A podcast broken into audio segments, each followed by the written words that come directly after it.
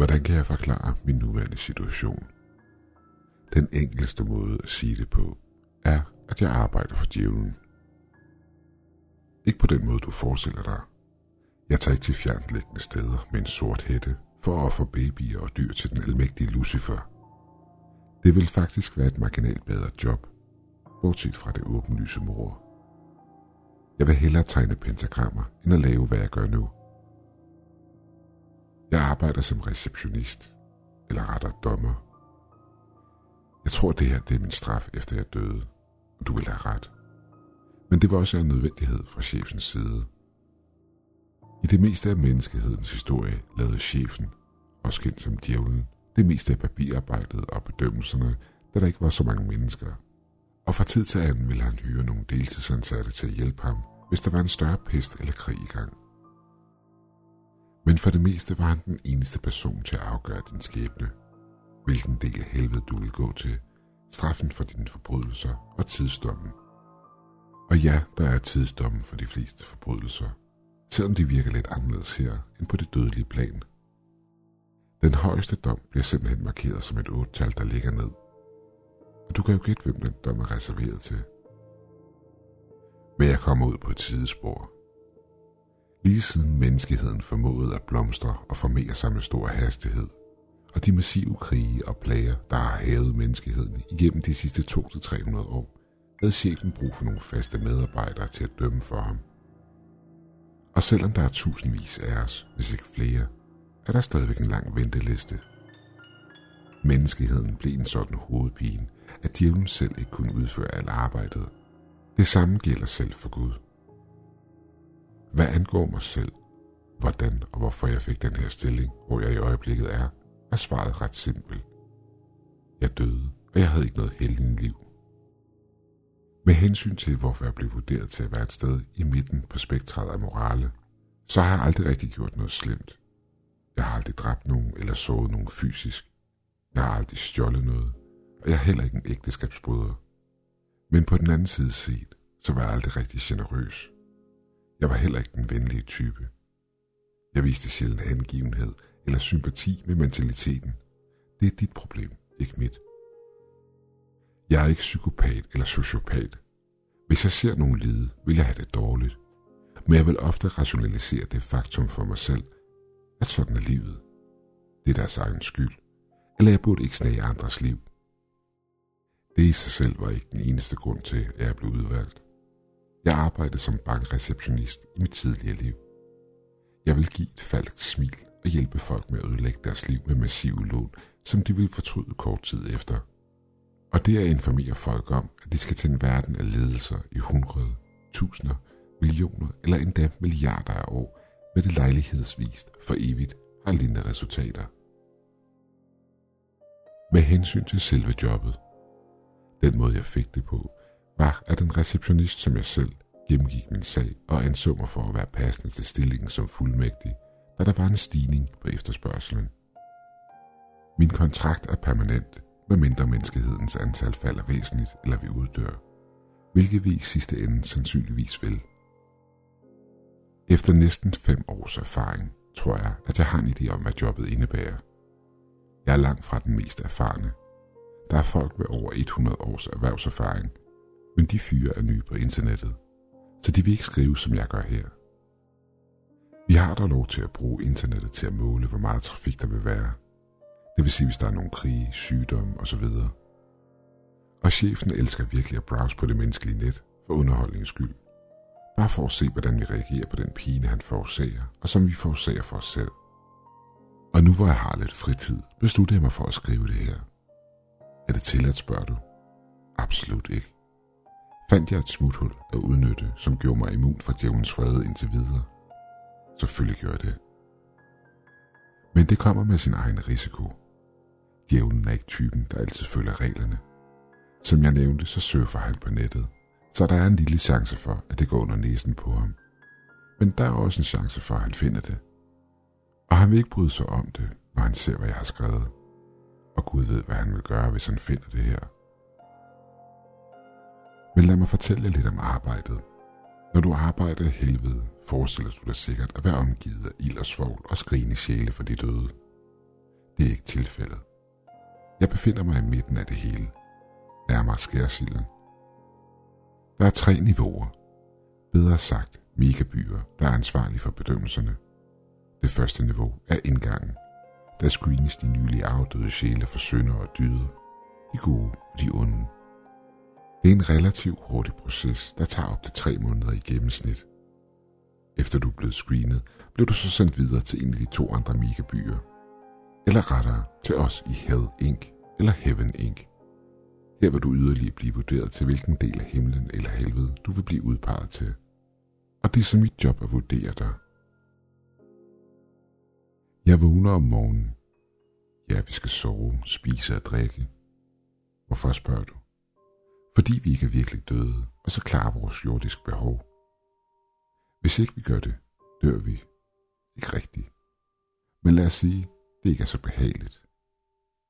Anyways, efter jeg vågner i min lejlighed en af de mange byblokke, hvor de ansatte og dem, der venter på at blive dømt, bor, laver jeg min morgenrutine og forbereder mig til min 18 timers vagt. Jeg behøver ikke pendle. Jeg behøver kun at forlade min lejlighed på et bestemt tidspunkt, og jeg vil blive teleporteret til min arbejdsplads med det samme. Når jeg ankommer til mit skrivebord, forbereder jeg mine papirer, ser hvem der er prioriteret, og hvem der er kommet længere ned på listen. Jeg åbner butikken og begynder at råbe navne op. Når personen kommer og sætter sig ned, åbner jeg deres fil, analyserer deres handlinger i en bred vending og begynder at stille spørgsmålstegn ved dem. Under afhøringen er jeg nødt til at fastslå ansvar for visse forbrydelser. For eksempel hvis vi har en morder, dræbte han eller hun den anden på grund af had, lidenskab, selvforsvar, hævn eller uheld. Med andre ord skal vi finde ud af, om det var en bevidst eller utilsigtet handling. Der er mange spørgsmålstegn ved at gennemgå papirarbejdet på, og det tager oftest et par timer med hver klient. Andre forbrydelser kan omfatte tyveri, hvis det er tilfældet, skal jeg finde ud af, om personen stjal ting på grund af grådighed, nødvendighed eller ulykke. Folk stjæler ting ved et uheld. Du har måske prøvet at tage nogens telefon og troet, det var din. Så kort sagt med eksemplet som tyveri, så har du underkategorier, der angiver den brede årsag. Så er der kategorier under dem, som fastslår genstandens værdi og til hvilken kategori den tilhører. Med andre ord er det en halskede, et køretøj eller et tv, Uanset hvad, så har genstanden en værdi for den enkelte, der bliver røvet, og dens virkning på denne person, samt måden, hvorpå den blev stjålet. Var det væbnet røveri, eller var det noget andet? Kleptomaner og seriemordere er et mareridt at dømme, fordi vi er nødt til at kategorisere alle stjålne genstande og alle de personer, der er blevet myrdet. Det gælder lige fra småkagen stjålet som fireårig til drabstogterne – den længste sag, jeg havde, var fra en kleptoman og en hårder, der dræbte sin mor, fordi hun placerede hans actionfigur det forkerte sted. Det tog mig en hel arbejdsdag at dømme den idiot. Jeg skulle have et på og fjes på hele vejen igennem, og til sidst svare på de ekstra spørgsmål, han måtte have. Nu var vi færdige her her, og før du går til niveau 6, har du så nogle spørgsmål, du finder vigtige? Øhm, er der nogen hornede piger der, hvor jeg skal hen? Hornet? Nej, der er ingen mig bekendt noget andet? Er der, er der internet? Nej, herre. Der er ingen internetforbindelse i løbet af dit ophold, hvilket vil sige 32.486 år.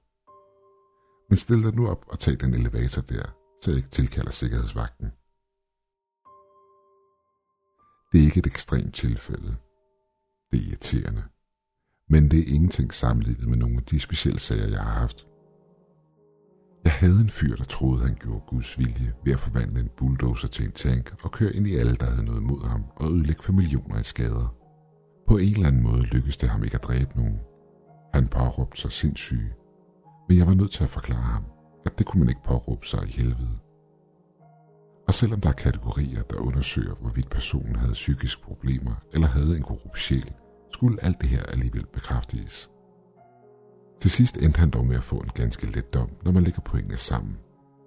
Han dræbte ikke nogen. Alt den skade, han gjorde, blev lovligt udført i hævnens navn mod dem, der havde forurettet ham. Han endte med 200 år på niveau 2. Ikke godt. Ikke dårligt. Nu spørger du sikkert, hvad sker der, hvis jeg gør noget forkert? For at være helt ærlig, så ved jeg det ikke. Men ud fra de historier, jeg har hørt, bliver sjælene for dem, der krydser chefen, smidt dybt ned i mørket. Dem, der ikke længere er egnet eller uvæsentlige, bliver smidt ud eller retfærdigt dømt. Lidt ligesom de fleste af de klienter, vi håndterer. Eller også forsvinder de bare en dag sporløst. Men det er kun, hvis de virkelig har fucket op. Måske tænker du også, at strafudmålingen nogle gange kan være uretfærdig. Det er det sikkert. Jeg har ikke lavet reglerne. Jeg følger dem bare. Du spørger sikkert også, hvorfor tager det så lang tid?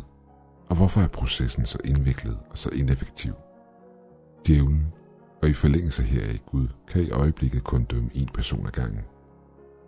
Ja, det væsen, der skabte universet, og dybest set er alt vidende og alt tilstedeværende, kan kun dømme en person ad gangen. Jeg ved ikke hvorfor, men sådan er det vel bare. Så kort sagt vidste de, at de menneskelige medarbejdere ikke har de samme evner som dem, da de for det meste er den absolut autoritet. Så de lavede en liste over regler og sikrede sig, at ingen er uagtede, og alle domme er retfærdige. Nogle gange synes jeg selvfølgelig, at dommen ikke er hård nok. Andre gange er dommen alt for hård. Jeg havde en sag, hvor jeg virkelig synes, at dommen ikke var fair for den pågældende – en mand kom til mit skrivebord. Han har levet et gennemsnitligt liv. Han havde en kamp med stoffer i sin teenageår og var ikke det sundeste af mennesker. Måden han døde på var ved selvmord. Fyren var far, hvis børn var blevet taget fra ham efter en skilsmisse på grund af hans tilbøjelighed til vold og alkoholisme. Han var ikke i stand til at se sine børn i 20 år. På den tid reformerede han sit liv fuldstændig. Han holdt helt op med at drikke og ryge. Han gik aldrig klippe en dag, hvor han betalte børnebidrag, og med de få penge, han havde, sendte han gaver til sine børn hver jul og til deres fødselsdage. Han sendte dem ofte breve. Han levede for sine børn. Han opgav al luksus i livet, så han havde råd til den ene gave, når julen kom. Efter 20 år af dette kontaktede han endelig sin søn og datter. De fortalte ham, at han var et monster, og han ikke var deres far. De spyttede på alt, hvad han var og nogensinde ville være – de beskyldte ham for aldrig at sende gaver eller breve, og han var ligeglad med dem. Han fandt til sidst ud af, at det var hans kone, der simpelthen smed brevene ud og sagde, at gaverne var fra hende selv. Kort tid efter tog han sit eget liv. Hans straf ifølge systemet 2.745 år på niveau 4. Jeg forstod hvorfor. Han var ikke en god far. Han var ikke en god ægtemand. Men han prøvede. Desværre er der ingen nye chancer i helvede. Kun lidelser. Jeg ved, at jeg beskrev mig selv som ligeglad. Men i et kort øjeblik havde jeg ondt af den mand.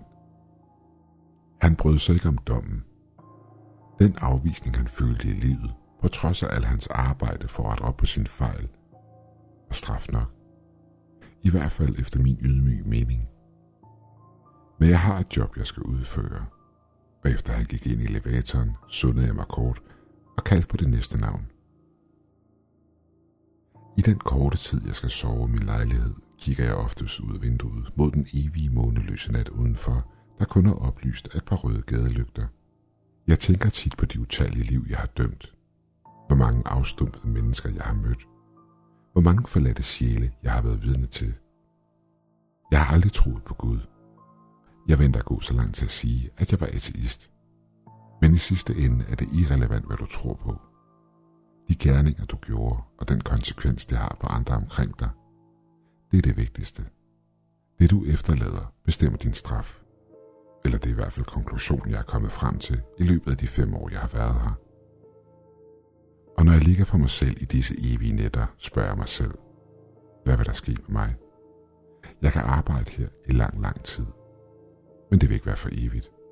I sidste ende skal hver en sjæl dømmes, og jeg fik aldrig en ordentlig dom. Så jeg ved det ikke. Selvom jeg er bekendt med processen, kan jeg ikke selv bestemme min straf. Jeg kan gætte, men jeg er aldrig sikker. Jobbet i sig selv er tortur. At bruge 18 timer på at interviewe alle mulige slags mennesker.